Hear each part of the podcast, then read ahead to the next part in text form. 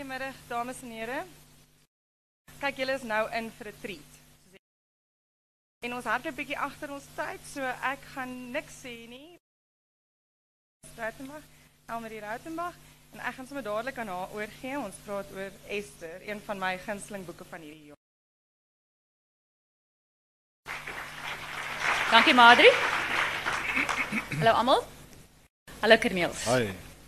Elmarie. Esther. Dis 'n storie wat afspeel in 'n trein.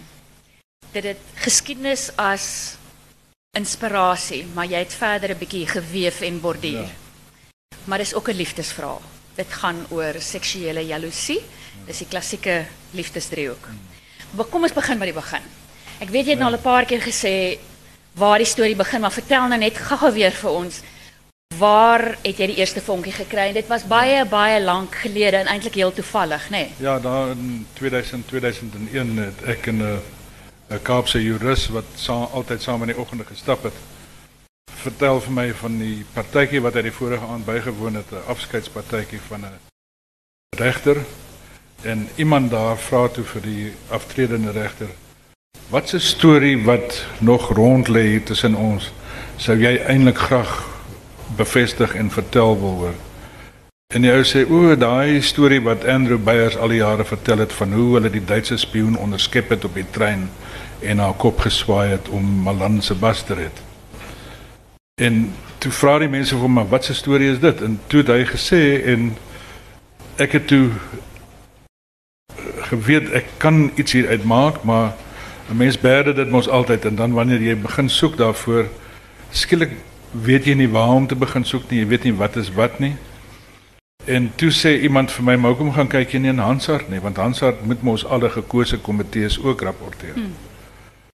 En as op die manier het ek toe in Hansard die ding gekry en die persoon wat dit vir my gesê het, het ook vir my gesê ehm um, Maar dis nou jare later, Dis né? jare later, dit is en dit is die uh, ehm um, regter Farlem van die Farlem kommissie het vir my gesê kom gaan kyk in in Hansard nie. En hy sê toe ook vir my maar daar's 'n boek geskryf deur Jeremy Lawrence oor sy pa, Harry Lawrence wat destyds daar in die laat 40s die uh, Verenigde Party se minister van Justisie was. En hy was die man wat Malan in sy versuur gekry het. Hy het gehoor nadat die geallieerde magte van Ribbentrop se dokumentasie na afloop van die Tweede Wêreldoorlog in die hande gekry het en begin ontsyfer dit en kyk wat aan die gang is, kom hulle af op 'n verslag wat 'n Duitse spioen uit Windhoek uitgestuur het om te rapporteer dat sy het vir Malan Ja, in Kaapstad gesien en dit is wat hy gesê het. Maar luister Corneels, regtig waar vanuit ons perspektief van nou. 'n ultra sappige nuusbrokkie. Hoekom op aarde was daar nog nooit iets daaroor geskryf nie? Ek weet jy het gesê Lindy Koorts het daaroor aanvanklik nie daaroor geskryf aan aan die skrip nie en jy het 'n bietjie gepraat en sy het navorsing gedoen. Maar hoekom het geen van die resente daarop gespring nie? Ek weet nie, daai tyd was dit vir my ek het gedink aan die 8 in 1948, 46, 48 toe daal die goed gebeur het. Dat dit dat dit eintlik koddig is dat daar nie in die koerante foto's is van die vrou wat kom getuig nie en dat toe die aankondiging kom dat Malan is vrygespreek en daar gaan nie verdere stappe wees nie. Was daar geen berigte daaroor nie. Die Burger en die Cape Times en die Argus, ja, die Cape Jy Argus hulle het die verhoor bygewoon. Hulle was ja, hulle was daar, maar hulle het nie verslag kon doen nie. Jy jy kon nie so geslote komitee se eh, verslag, maar hulle het geweet wat daar gebeur het. Luister nou net vir mense wat miskien nog nie die boek gelees het nie. Sê net in twee of drie Ja. sinne. Waaroor gaan dit? Die vrou het in 1940 by Dr Malan 'n draai gemaak. Sy het met hom gepraat, sy het 'n boodskap aan hom oorgedra wat die Duitsers aan haar, aan Malan gestuur het. Sy is toe daar weg en sy het gaan woon op 'n plaas net noord van Windhoek. 'n Plaas wat behoort het aan haar man wat ook 'n Duitse spioen was en die hele oorlog in Lorenzo Marx deurgebring het in in die destydse Mosambiek. En die vrou het haar verslae teruggestuur per radio of hoe ook al. En dit is bewaar by von Ribbentrop en toe dit nou rigbaar word, het hulle die Malan wou aantree want hy kon van hoogverraad beskuldig word of En die straf daai en tyd? dat straf is doodstraf. En hy kon in die Dit is- volksraad verhoor word want jy word deur jou peer groep uh, volgens wet kon jy verhoor word. En hulle het toe die die hele pad gevolg. Hulle het die vrou gaan haal in Windhoek op 'n familieplaas Mecklenburg, afgebring Kaap toe per trein. Op die, en dit het alles ja, regtig gebeur. Dit het alles regtig gebeur en op die trein het Andrew Beyers wat verdediging se saak waargeneem het vir Malan, het hy een van sy assistent, een van sy juniors op die trein geplant gekry. Die persoon het met die Duitse spioen kontak gemaak en met haar begin gesels oor wat Malan reeds getuig het en met haar kop gesmokkel en wanneer en sy dink ons ja, dink vandag se politici ja, is besig met allerlei Ja, hulle was baie, baie ja, absoluut. en wat toe gebeur het is dat sy het getuig haar man liderlik in die steek gelaat in voor die gekose komitee maar ook sy vryheid bewerkstellig in die proses. Maar sy het presies bevestig alles wat Malan gesê het. Daar's 'n klompie gate in in die probeer ek dan uitwys, maar dit is dis wat gebeur. Maar toe jy nou die storie geverifieer kry, die geskiedenis hmm, althans. Ja. In die Hansard en en jou boek, die boek deur um Lawrence. Ja. Toe het jy toe na die spoor gevat om te kyk of jy by haar mense kan uitkom of jy by die ja, werklike mense kan man, uitkom? Ja, ek het omtrent op elke moontlike denkbare manier met hulle probeer kontak maak. Dit is nou Windhoek, nee. In in in Windhoek, die denks en wat wat toe gebeur het is een van daai goed wat 'n mens jy moet eintlik die plek se geskiedenis ken. Uh die Tyra Denk wat die vrou was. Sy was 'n nooi Nissen las. En daai familie was die eerste nedersetters in wat uit Duitsland gekom het nadat Windhoek geproklaameer was. En hulle daar gevestig, sy was Duitse Wes-Duits ag uh, Duits wetsadel. Sy was werklik 'n vooraanstaande familie. Hans Denker man het uit Duitsland weer hier na toe gekom en hy het met 'n vrou van Rehoboth getrou. En hulle uh, was sy sy tweede ja, vrou. Uh, ja. Okay, daai en ja, en die eerste vrou het hy by twee kinders gehad en as 'n mens vandag begin soek in in Namibië is die Rehoboth het soveel Hans denks 'n mens kan nie glo dat daar soveel is nie. en nêrens in die in enige van die telefoonboeke sal jy ander denks kry as in in Rehoboth nie behalwe by daai een plaas eh, te noorde van en dis die nasate van van Hans en Tyra dink. En jy het, het jy enigstens met hulle Ek het vir hulle geskryf en ek het gebel en ek het te kere gaan maar hulle wou nie praat nie, hulle wou niks sê nie. Is asof hulle asof hulle net besluit het dat daai geskiedenis dat die, die feit dat die pa en die ma al twee vir Duitsland spioene was is is klaar 'n mm. tamelike ding. Mm. Ehm mm. um, en die hele loops net in die, die ta, ja? en die ander ding wat ek ook uitgevind is Tyra was 'n baie begaafde pianis en sy is in Duitsland opgelei. Sy is Duitsland toe gestuur om te gaan leer en ek vermoed dis waar sy haar nasie uh, uh, simpatie gekry het. En toe jy nou al die die legkaartstukkies begin bymekaar sit het. Ehm um, En jy het nou jy het 'n vroue spioen en jy het die treinrit. Waar het jou idee vir die roman amper vorm begin aanneem dat jy gedink het dit sal lekker wees dat amper die hele roman speel af in die trein?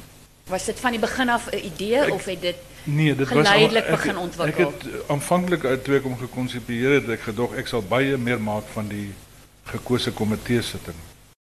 Maar 'n mens besef jy weet as jy baie rolprente kyk oor hofsaake sulke eindelose getuienisleiding al julle die Oscar Pistorius saak is 'n uitmergelende ding. So jy jy besef jy gaan geen leser se aandag hou op die manier nie. En en die ander logika die ander ratte in die ding het in elk geval dit te vernietig. En dit was toe ek besef hulle gaan nou per trein afry so dan moet dan moet 'n amper 'n hofmakery proses wees hy moet haar as hulle moet mekaar as man en vrou leer ken die spioen en die ou wat hy onderskep. Ja. Maar ek besef toe ook dat die regering sou 'n Duits sprekende polisie polisie man Hulle sou nie alleen laat reis. Hulle sou nie ja. alleen laat reis nie omdat sy net Duits kon praat. Mm. Het jy so 'n regte persoon opgespoor of nie? Nee, ek kon nooit nie. Dis een van daai goed, dis jammer, maar ek ek het hom net maar gemaak. Ja. En ek het besef in Piet Retief daar in in in in destydse Oos-Trans Suidoos-Transvaal was 'n baie groot Duitse gemeenskap en dat hulle waarskynlik onder die polisiemanne by daai uh, deel van die land iemand sou kon kry wat saam met haar kon reis in Duits praat die hele tyd. In Duits, ja. En toe ek nou dis maar hoe die hele ding en toe ek geskryf vir die NG predikant in Pietretief om te hoor of hy vir my voorstelle kan maak en hy het vir my 'n 'n rekord gestuur van die gemeente se se dominees alles wat daar gebeur. So ek het ek het al daai goed probeer verweef en En daaruit en daaruit en toe bes, ja, en toe ek nou eers die, ja, geskep. ja, en toe Ja. ek nou besef maar hierdie ou gaan meer tyd in haar geselskap meer ding uh, deurbring. Hy gaan meer tyd hê om verlief te raak. Ja. En sy gaan sy En ook die feit daar's nou twee mans ja, en een en, vrou. en en die ander ding is dat sy het 6 jaar laas uh by 'n man gewees. Haar man was in Lorenzo Marx soos Hmm. die vrou het sekere frustrasies gehad wat sy sou waarskynlik sou sou wou- wou besweer. En En- en en bygesê, ek Ja. gaan jou in die rede geval, maar 'n spioen. Ja. Ek bedoel, as om 'n spioen te wees, moet jy mense eintlik verlei. Jy moet eintlik die Ja. wol oor hulle oë kan Jy moet hulle manipuleer, ja. Jy moet hulle kan manipuleer. So onmiddellik het jy nou so half 'n vroufiguur Ja, voor jou. Ja. En en het sy hom gemanipuleer. Maar kom ons kom nou terug na daai vrou. Jy het nou jy het nou die Ja. treinsituasie en jy het jy het twee mans en 'n vrou. En jy moes toe nou gesig gee aan hierdie vrou en daar's 'n goeie rede hoekom. Jy het gesê daar was nêrens ooit enige foto's van Tyra ja, nie. eh, toe sy verskyn het voor die gekose komitee het om een of ander wonderbaarlike rede nie een van die Kaapse koerante daaraan gedink om 'n fotograaf te stuur om haar te onderskep tussen die Grand Hotel onder in Adderley En die uh, aankoms? parlement. Sy het- sy letterlik of by aankoms op die stasie.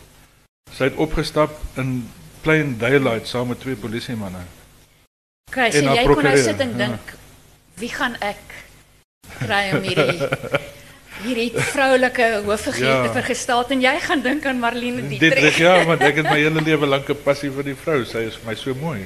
En sy's Duits en sy Maar het jy het jy na haar het jy gaan nuuskierig, het jy gaan soek na 'n vrou uit daai era wat Ja. mooi was in die 40s. ja, ek het- want dit is laat 40s, nee, is net nie 46. Ja, ek het geweet daar's daar sou verskeie kandidaate kon wees, maar want mooi toe maar is maar, miskien maar Dietrich was nou nie. ja, of- maar Dietrich is 'n universele figuur eintlik. Sy het in Amerikaanse prente ook opgetree en in Duitse rampprente en sy het hierdie ongelooflike voorkoms en en die gesig daai weet amper amper ambivalente skoonheid in haar in haar gesig en haar lyf met die lang bobene en die heupe. Jy weet as jy mense na haar rolprente kyk waar sy optree, net om haar te sien loop of as sy dans. Dit is so 'n sensuele gebeurtenis. Dat net om dit te probeer beskryf, jy weet, is is al klaar helfte van die plesier. Jy weet, jy hoef nie so, jy hoef jy hoef nie- jy hoef, jy hoef niks anders te doen nie, jy weet want jy weet Want ek wat wou sê die beskrywings van van hierdie spioen word daar nogal baie gefokus op die Ja, bobene. ja. Omtrent al die manne op die trein die Ja. bobene op. Ja. En wat ek ook opgelet is die geskuur van die sykouse, Ja. né? Ja, maar jy moet jy moet jy onthou hoe die rokke daai Ja. tyd was. Ja. En en de, en dit was beweging in in materiaal. Ja, ja. So dit En hoe het vir jy my, die jy weet, jy vrouefiguur- sien dit mos steeds nou nie meer nie. Ja. En en en um, ek dink wat Marlene interessante ideale rolmodel maak as ek so kan sê is die feit dat sy baie sterk persoonlikheid is. Hy Ja. effens 'n manlike Ja. wat natuurlik ook inkom. Ja, Wat wat ja. dit kan ek sê geloofbaar Ja. maak dat sy 'n spioen is of hierdie vrou wat 'n spioen is so lyk. Ja, ek het gaan kyk na Um, The Blue Angel en jy weet die manier wat sy sit in in haar sigaretkoker vashou en rook opblaas dan in nek en al So ek vir vir Corneels in 'n stadium, ek het het 'n so 'n vraag antwoord onderhoud met hom gedoen en vir hom gevra wie was sy rolmodel vir die vir die vroulike hooffiguur. Sy het vir my omtrent klein leer van 15 foto's van Marlene Dietrich gestuur. Maar jy sê jy het dit letterlik so half as jou desktop ja, gehad ja, om om dit is een jouself te herinner hoe sy ja, lyk. Ja, die En wondere ook- van van Ek dink wat jy rekenaars. baie goed ook reg kry kry um is uh die beskrywing van haar klere. Ja. Die die nertstole ah, weet as Ja. wat sy dra as sy kom na formele ete, die hoehakke ja. en soos jy sê die sykouse met die naad en en die die hare met die effense krul, Ja. die koker as sy rook. Ja. Wel, dit is een van die goed wat weet en die ou kamp het altyd so aangegaan oor die Weimar periode. Jy weet daai tydperk tussen die twee oorloë en hoe dit in Berlyn spesifiek uh, neerslag gevind het. So ek het onthou van die van die rolprent rolprent uh, ag die rolprent uh, Salon Kitty wat gaan oor 'n bordeel waar die Duitsers mense probeer uitlok het om hulle self te kompromiteer. Veral hoë offisiere het hulle dan daar deur- Wat vroue gebruik ja, het. Wat ja, hulle die as vroue lok- gebruik om die lokmiddel. mense, weet daai is 'n tipiese pillow talk. Hmm. Dat die mense dinge sê oor Hitler wat wat hulle andersins nie sou sê nie. En uh, Salon Kitty het my verder gevat uh, in, uh, in daai deel van Charlottenburg in, in Berlyn as jy moet dink waar sou die mens gekoop het. Ek het 'n bietjie navorsing gedoen oor Berlyn. So jy jy kon allerlei vorms van advertensies en goed nog in die koerante mm. opspoor.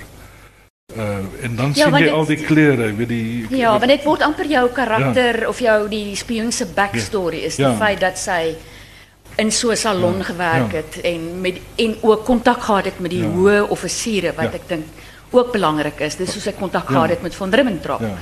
Wat wat dan dit laat klop dat haar naam in die in die dokumente was, ja. né? Presies. Goed, so nou sit jy hierso, jy het twee jy twee mans en jy het 'n vrou, maar die derde man, vertel ons bietjie van daai derde man. Dit is nou die afgevaardigde van Van Andrew Beyers, Dr. ja. Deef Malan se Ja, ja. se regspan. Wel, hy het bestaan. Durkstra is is maar nou net 'n uh, 'n nom de plume. En uh, hy het bestaan, hy Amanda Botha wat hom geken het, Wow. Wat net nou hier gesit het, sy sy kon vir my geweldig baie help met met inligting oor hoe soort mens hy was en ek het homself ontmoet by my uh, ma se broer, hulle was bevriend geweest met hom. Ehm So die regte man wat op die trein was. ja, Durkstra. My magtig. En hy was uh, ek het hom leer ken in sy in sy heel laaste jare en en toe nog was hy 'n aanstootlike vent geweest. Maar maar 'n 'n mens vir 'n mens vir wie jy respek gehad het omdat hy so groot verstand gehad het, maar wie se narcisme so oorweldigend was. En sy die manier wat hy oor vroue gedink het, vrouens se plek in die kombuis, in die slaapkamer is al. En hy het uiteindelik 'n heel vreemde wêreldbeeld gehad.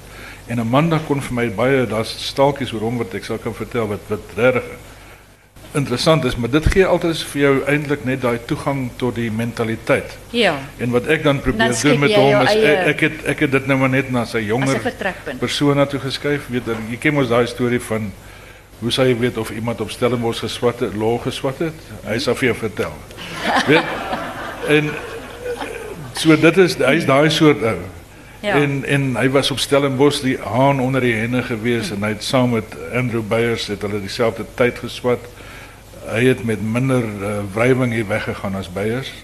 Beyers is bietjie onder 'n wolk weg oor allerlei dinge, maar die Durkstra Durkstra figuur het hom gaan vestig as 'n advokaat. Hy was Beyers se junior en hulle albei het min of meer dieselfde tyd regters geword. So daar was 'n bietjie van payback. Maar weer eens ja. jy jy jy jy het er- jy het wa- ware gegee wat jou net amper dit uit ek het dit net 'n bietjie geplooi. Ja, ek het dit net 'n bietjie geplooi vir my. En deel van storie. die proses is naamgewing. Jy het 'n paar interessante opmerkings gemaak oor jy name gekies het en Durkstra is, is Ja. een van hulle en Dieter Bergman 'n ander. Ja. Vertel vir ons 'n bietjie en dan kom ons by Esther.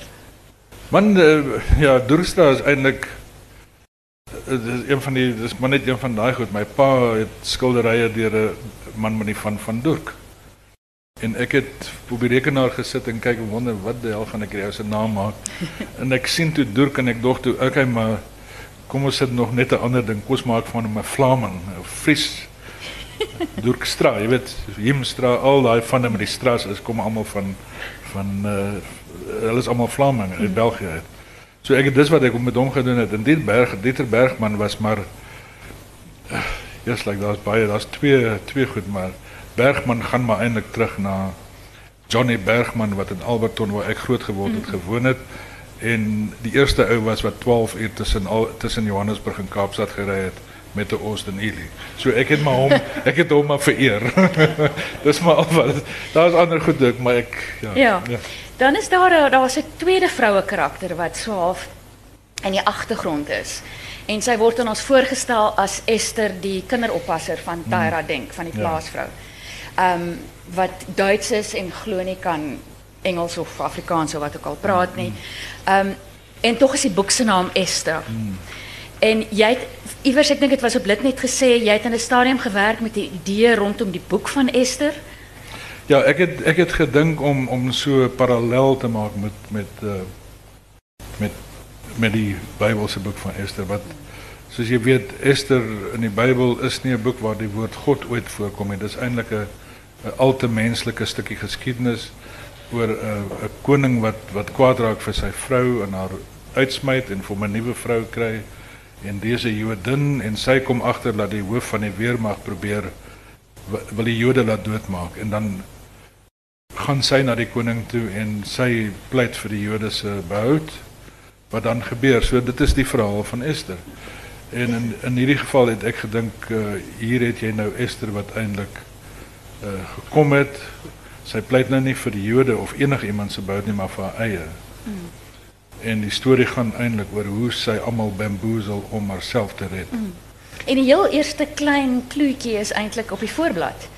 Want mens ja, kyk, jy tel ja. die boek op en jy dink dis Dietrich se gesig. Ja. Maar as jy ja. weer kyk, dan besef jy dis iemand anders. Nee, ja, dis Karel Lombard. en Karel Lombard se laaste fliek het gegaan oor identiteitsverwarring. Ja, ja. Dit was die tema van haar laaste fliek. Ja, ja, maar dis heel toevallig. Ja, dit was dis, die die dis interessante ja, dinge die ontwerper van die omslag, die ontwerper van die omslag toe ek vir haar al die foto's van van Dietrich stuur. Toe sy gesê nee, dit gaan nie werk nie, want almal gaan dink hierdie boek gaan oor Dietrich. Hmm kos gebruik iemand wat nie so bekend is nie. En dit is hoekom. En dit nogal oulik gewerk. Ek dink Carol is baie mooi mm. ja dit gee die ja, atmosfeer ja, nogal. Ehm um, kan jy ons vat 'n stap terug en ons gaan na die trein toe. Ehm um, jy wil jou hele boek van amper voorblad na amper agterblad oor 3 dae op 'n trein laat afspeel. Dan moet jy baie weet van daai ja. weet location ek dit ja. so kan noem. En vertel 'n ja. bietjie, jy het vreeslik gaan grawe in. Ek het ek treine daai ja. tyd gewerk het in die SA. Wat SA S en H? Ja, Suid-Afrikaanse spoorweë en hawens. En hawens. Ja. ja, ek het ek het eh, 'n uh, man in Pretoria opgespoor, Pieter Story wat vir my baie kon vertel. Hy is by die Roofvosrail. En hy is 'n kenner van van die ou spoorweë en hy het wonderlike inligting vir my gestuur. Onder meer die tydskedules.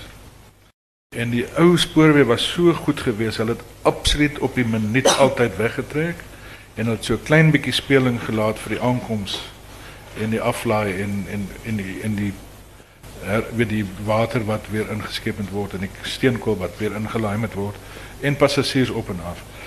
Maar hulle was so goed geweest dat hulle kon voorspel dat daai trein sou wat die wat die middag 12:30 uit Windhoek vertrek Saterdag sou Dinsdagoggend net voor 7 in Kaapstad aankom. Daar was geen, dit was presies bepaal.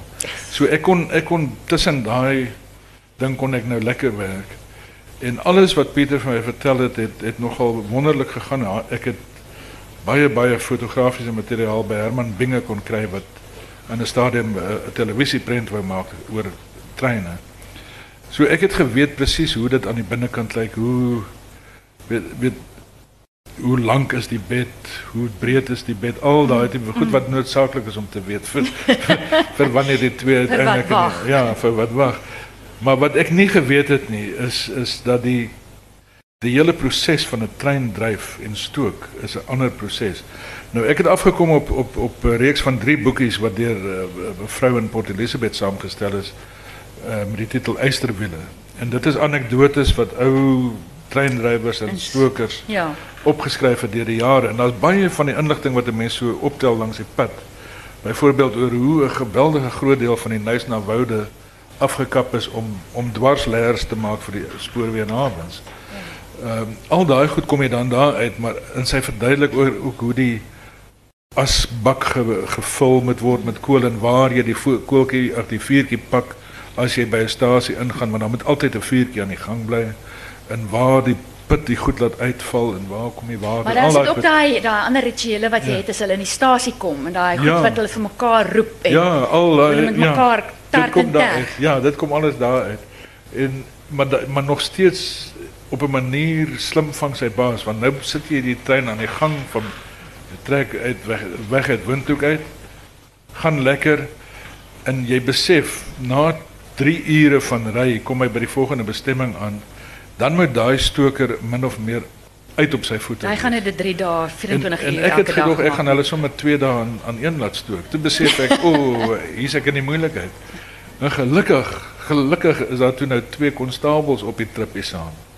En ek dink toe maar wat wat verhinder vir weet om die treindrywer om nou met die polisieman te praat met Bergman te praat of om te sê gee vir my daai. Ja, my so, dit is dis wat dis dis wat dan gebeur so die die stokertjie gaan slaap, daveltjie en die twee polisiemanne gaan stook.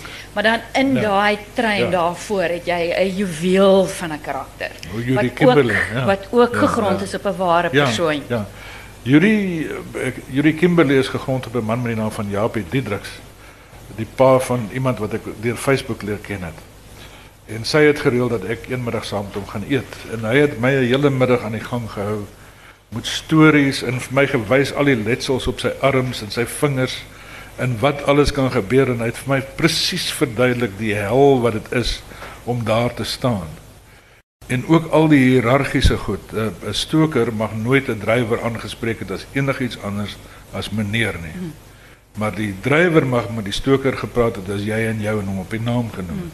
So daar was 'n geweldige afstand tussen die hmm. twee en die die drywer kon enige tyd van die rit vir die stokertjie sê maak vir my koffie of tee. En daar's allerlei rituele daaraan en maniere en dit probeer ek inwerk. So dit is Maar het was ook interessant, weet ten spijt of ondanks die klasverschillen tussen drijver en stoker mm. en zo aan. Als je het uit ons perspectief van vandaag leest, dan is het interessant dat je skielik achterkomt, maar allemaal is spierwit. Daar is geen andere kleur op die trein. Dit is een van die dingen wat weet de mensen is bedag vandag als je als je enige roman schrijft, dan weet je je moet proberen om verteenwoordigend te wees. Dat weet leven is niet meer in hokkies nie. Maar hierdie is 1946. Dis dis 2 jaar voor die nasionale party oorneem en apartheid begin formaliseer. Maar dit is ook 'n deel van die vorige era waarin apartheid eintlik al professor Andreas van Wyk het vir ons gesê wat 187 nê was die heel eerste ontigwet ingevoer in Durban deur die Engelse. Ja, deur die Engelse. En so apartheid kom al was was al geïnstitusionaliseer voor 48. En deel daarvan was die ou SASNA. Hulle het geen swart werkers gehad. Mm. Behalwe miskien iewers op die rangeerwerwe sou ek neem aanneem daar sou mense wees, maar op die treine was daar niks, mm. geen enkele swart werker. Maar mens lees jou boek en en, en weet jy, ja. dink gestel die saak teen Malan het sukses behaal. Um ek kan nie dink dat hulle hom sou gehang het nie, maar jy jy jy sit en dink, "Jo, weet wat sou die impak gewees het?" Anders, maar nou plek, wat jy eintlik nou ja. sê is dit was dit was, was reeds daar. Ja, dit is maar net ja. hy het 'n stapie verder gevat. Luister in um um Net net met die afwerking van die treine en al sê jy jy beskryf dit eintlik so liefderyk die goud ja. en die ja die koper en die leer en die hout maar en so. Maar dis so fantasties omgewing. Al hierdie ja. pragtige waans in vertrek en so aan laat jy die man en die vrou mekaar ontmoet in die toilet. Ja. Hoekom?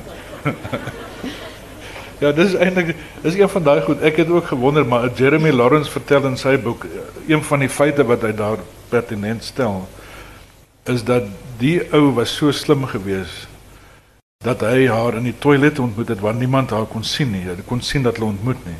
So wie wie die besluit geneem het, weet ek nie, maar ek ek plaas maar die besluit by Bergman wat om jaloerse redes nie wil hê dat die ou moet te lank saam met haar deurbring nie. So hy's Bergman sal nooit toelaat dat hulle twee in 'n kajuit gaan 'n kompartement ja. gaan sit nie. Hy plaas hulle in die mees ongemaklike plek. En as jy foto's sien van die toilette destyds die uh, die sitplek het so 45 grade in die in die vierkantjie inge dinge so daar was nie eintlik daar weerskante was daar staanplek. Mm. en dan was hier so 'n wasbak wat so afge afgesak afge mm. geklap het. afgeklap het. Ja. Daar was nie plek nie. So gelukkig Dorkstra weet ek nou vir 'n feit was 'n lang skraal man. en Tyra dink was by 'n fiets.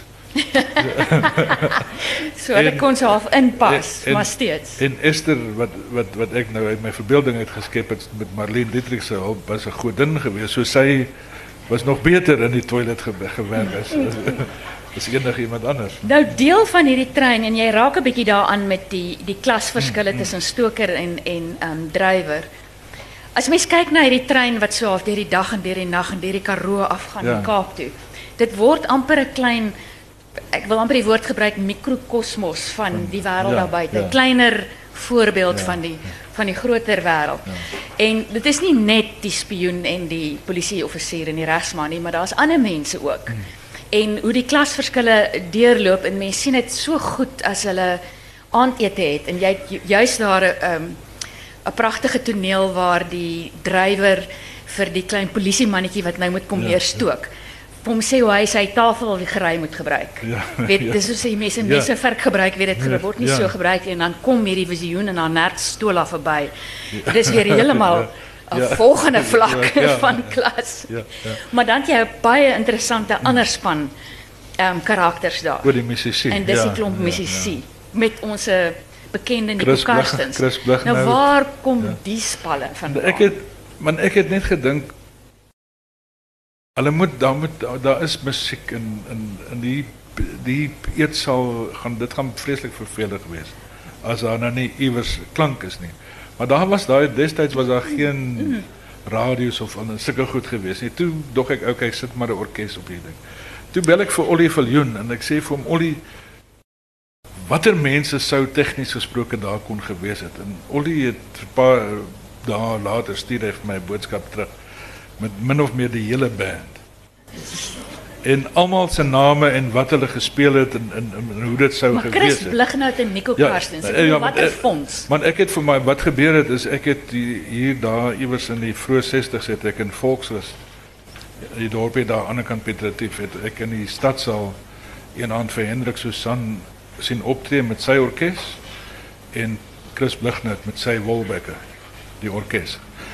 En ek het toe gedog okay ek sal ten minste hulle twee maar ek vra toe vir Ollie 46 Chris Blignout Hendrik Susan en hy het dit toe vir my mooi netjies uitgewerk.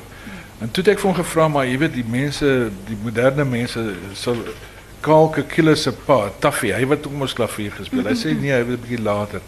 Dog ek moet sit hom maar ook in, jy weet, want En toe raak 'n briefskrywer die dis 'n- helling ja, vir jou. Dis 'n naam tot iemand anders verskriklik nie donder geword vir my omdat ek Ja. iemand daar gesit het wat nie daar kon wees nie. maar, maar dit was eintlik dit was en en en so het ek my probeer verbeel hoe dit sou wees as hulle die goed speel op sekere maniere. En ek Maar dit vir jou 'n lekker dit vir jou 'n lekker um ekstra materiaal gegee mee te werk want toe kon jy die die lirieke gebruik van Ja. sommige van die Ja. van die van die liedjies en amper dit inwerk by die verloop van die storie. Ja. En wat vir my saam ook gegaan het met die trein, ek dink iemand het dit iewers genoem, is hoe slim jy gewerk het met die ritme van die trein.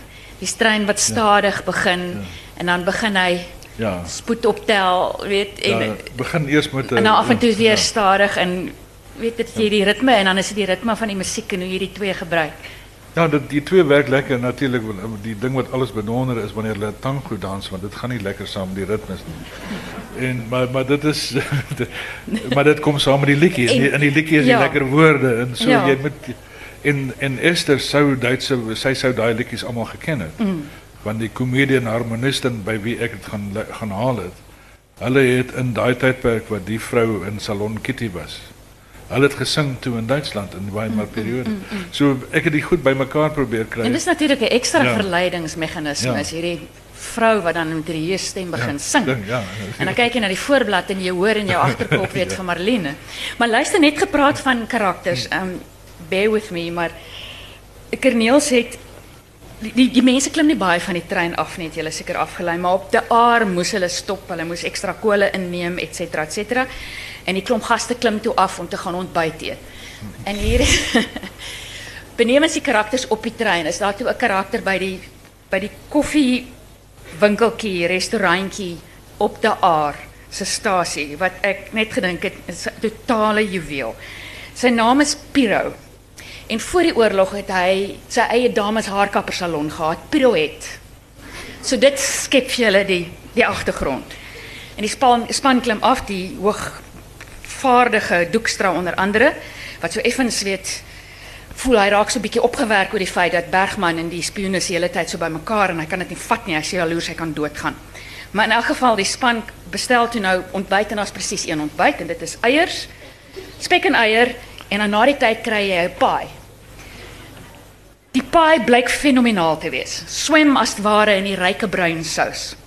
Bergman glad nie gelukkig dat Durkstra in die openbaar so openlik naby aan die spioen beweeg nie.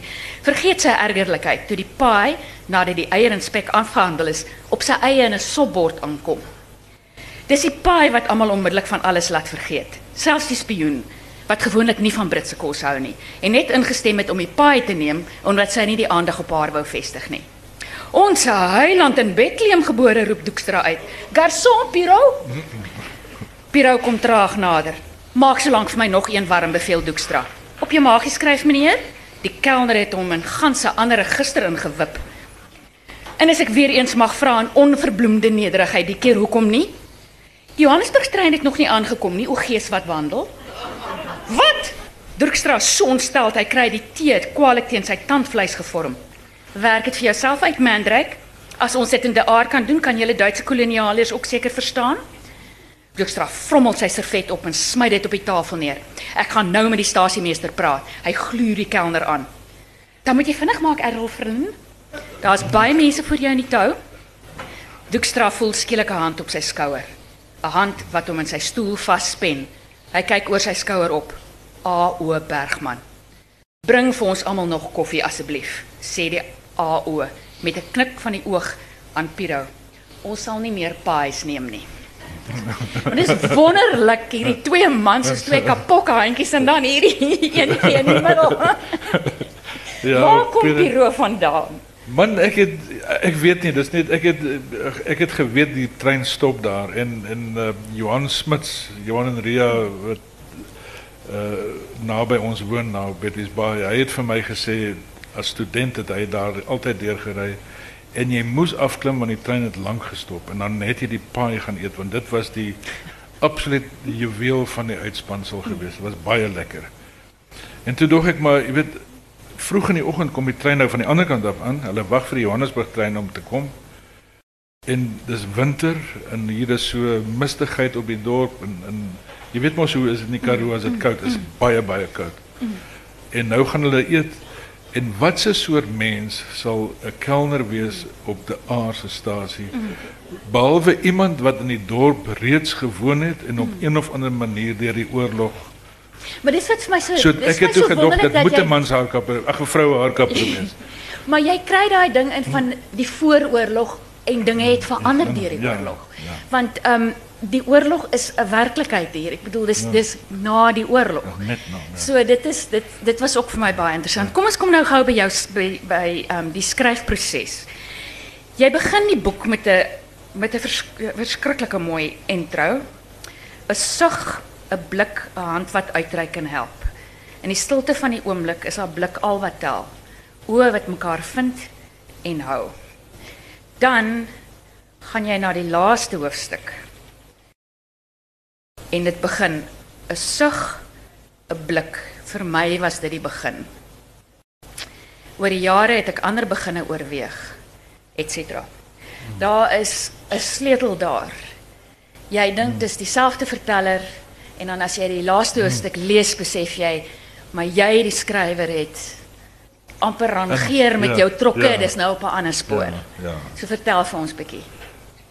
Ek Was dit doelbewus? Ja, ja, dit Ek weet Fransja Smit was jou redakteur, Ja. het jy dit aan die hand met die hulp Ja. van jou redakteur ja, gedoen? hulle het- hy het vir my hy het vir my gesê die aanvanklik was daar 'n baie lang biegtoneel voor voor die deel waar hulle nou by die gekose komitee kom waar Bergman aan Droekstra alles verklap. En Frans het vir my gesê man dit gaan ons nou weet dit werk nie. Dit jy jy verklap nie die geheim voordat daar nog twee bewegings is in die in die in die in die boek nie. Die kose gekose komitee en die afsluiting. Dan kan iets anders. En dit is hoe hoe ons by die idee gekom het maar daai perspektief van die van die die persoon wat die hele storie vertel dwars deur die boek. 'n Mens moet van die begin af weet dat dit gaan kom. En toe het ons dit begin plant en dan in die laaste hoofstuk kom die ontmaskering dat dit eintlik Dorkstra is.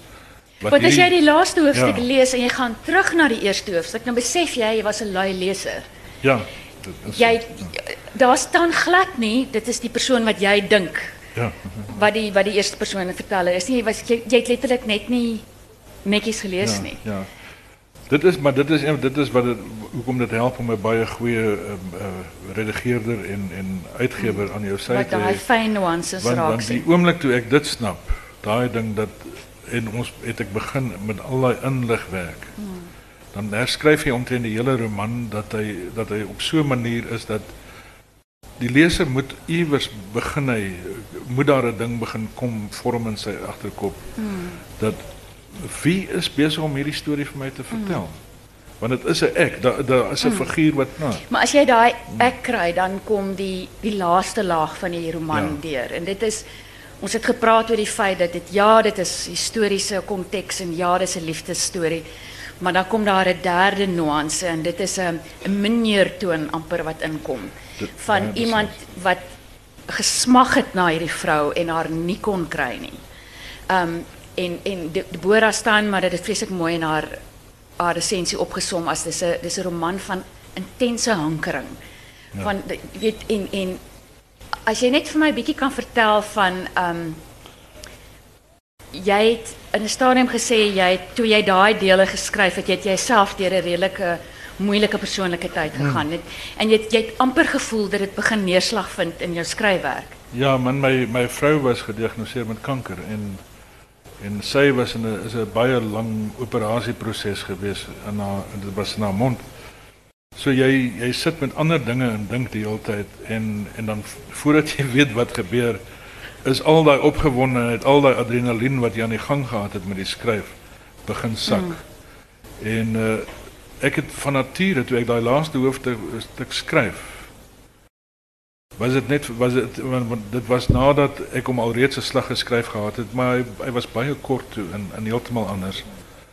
En na Frans was 'n suggestie toe ek hom nou oorskryf en ek maak hom langer en en jy kom openliker met met Dirkstra as verteller.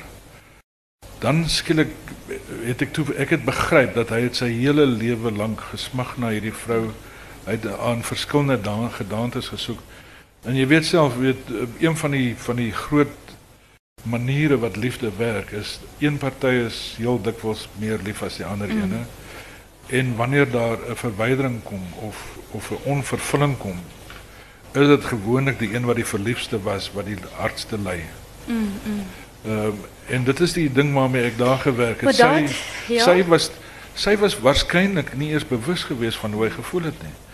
En hy het sy hele lewe lank na haar bly soek in in onvervuld die liefde vir haar bly behou en dit is hoekom as jy van die goed wat ek plant vorentoe in die boek is eintlik dinge wat sy gemaaler hy sy aan mekaar dink aan die vrou aan mekaar dink wat wat het regtig gebeur op hy trein Ja, ja. is dinge wat in sy verbeelding ontstaan daar was nie noodwendig seks ooit gewees nie dis dinge wat hy as jaloerse Ja. onvervulde minnaar dink dit is wat die Hy ander man gekry en hy het sien ja. dit in hierdie absolute orgasmiese terme. ja ja ja Maar luister, daar was 'n ander interessante ding ook net hierdie karakter ten laaste. Ehm um, beskryf jy ook as 'n frotteur, iemand wat Ja. Ly aan 'n neiging om hom graag te wil skuur teen teen mense sonder Ja. dat hulle noodwendig Ja. daarvan weet om plesier te kry. Ja. Maar ek het net gedink dit is vir my die finale identiteitsverbloeming van omdraai van van van goeters wat jy dink jy sien en dan is dit iets anders. Dat op die eind kom jy agter dis sy wat in sy sy Ja, kop ja. Teen sy Sy gedagtes skuur en hy kan nie van haar hy- ontslaa raak Hy nie. kan haar hy kan Hy homself nie verlos van haar nie. Dis die greep van Ja. liefde. Dis hy ongelooflike greep wat liefde op 'n mens se gemoed het. Ja. En dan heel ten slotte dan as mens weer teruggaan na die voorblad en jy sien hierdie en jy luister na daai musiek uit daai tyd, daai ongelooflike weemoedigheid, nê? Ja. Daai daai liedjies, daai flieke melankolie wat deurslaan. So. Okay, dankie Corneels. Enige iemand vra vir Corneels? Niks tyd nie. Skus man. Het ons nie tyd, het ons nie tyd nie. Jy was so gemaak. het. Dis reg. Baie dankie, baie dankie Corneels. Plesier, dankie. Dankie julle gekom het.